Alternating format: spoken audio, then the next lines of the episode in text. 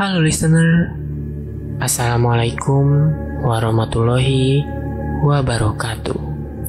Salam sejahtera bagi kita semua. Shalom, Om Swastiastu, Namo Buddhaya, Salam Kebajikan. Panji Purnama kembali lagi di podcast Gangguan Malam. Bagi kalian yang mau berbagi cerita, silahkan kalian langsung aja cek link yang udah ada di description episode. Bagi kalian yang mau berbagi cerita, silahkan kalian langsung cek aja ke link yang ada di description episode malam hari ini. Dan juga tentunya jangan lupa untuk follow media sosial Panji ya.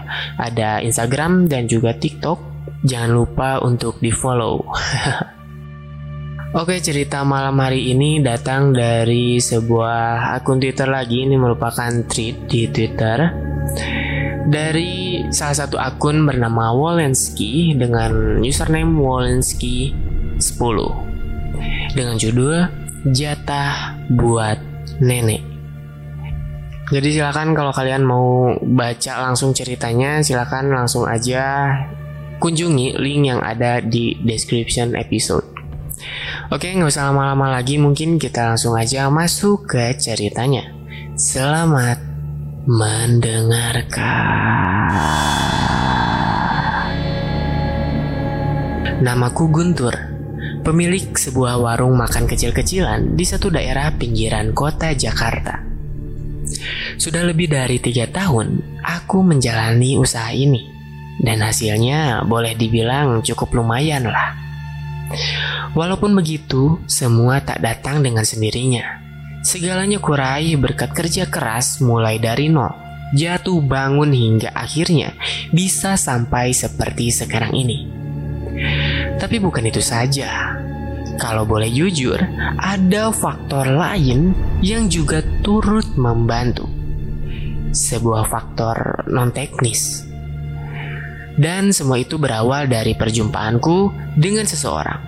Dia yang memperkenalkanku dengan si nenek. Namanya Mas Dwi.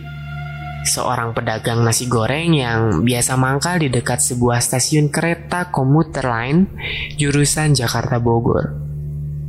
Seorang pria Jawa yang sangat ulet, rajin, dan tentunya murah senyum dia mengaku sudah berdagang di situ sejak tahun 2015. Awal perkenalan kami dimulai beberapa tahun yang lalu, ketika aku baru saja menginjakan kaki di sebuah stasiun di pinggiran kota Jakarta.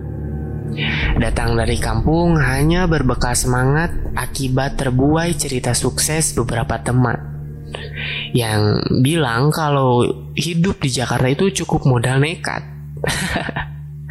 Tak butuh banyak skill, asal ada kemauan aja katanya.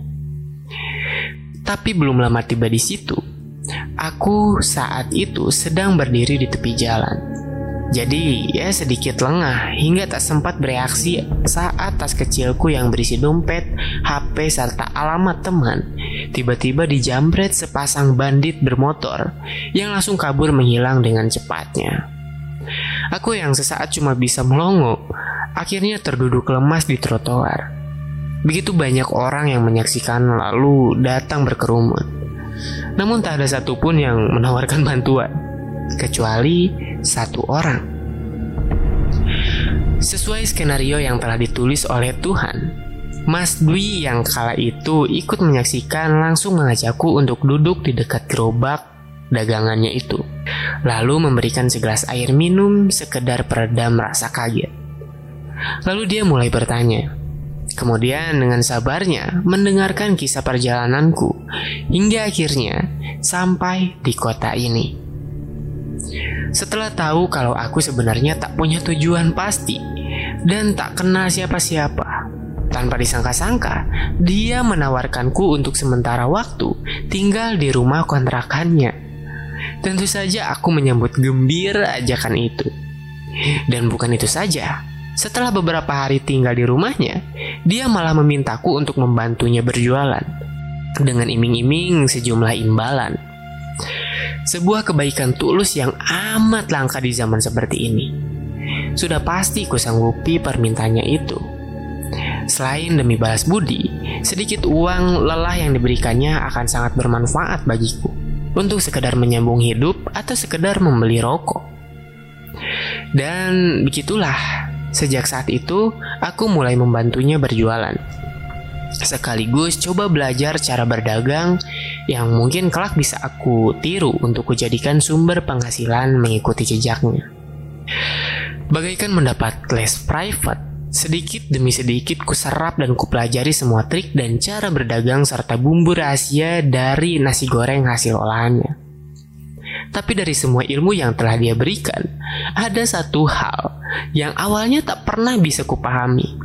Karena dia memang enggan untuk membahasnya.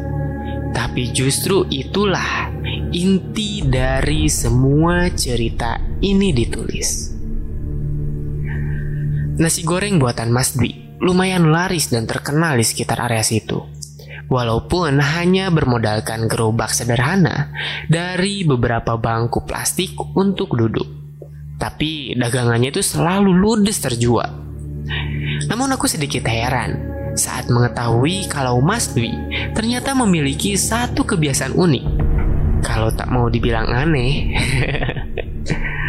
Kok disisakan begitu, Mas? Tanyaku heran saat pertama kali melihatnya menyisihkan sepiring nasi putih dari bakul nasi dagangannya. Padahal saat itu ada seorang pembeli yang merengek-rengek minta dibuatkan sepiring nasi goreng. Loh itu kan masih bisa buat sepiring lagi mas.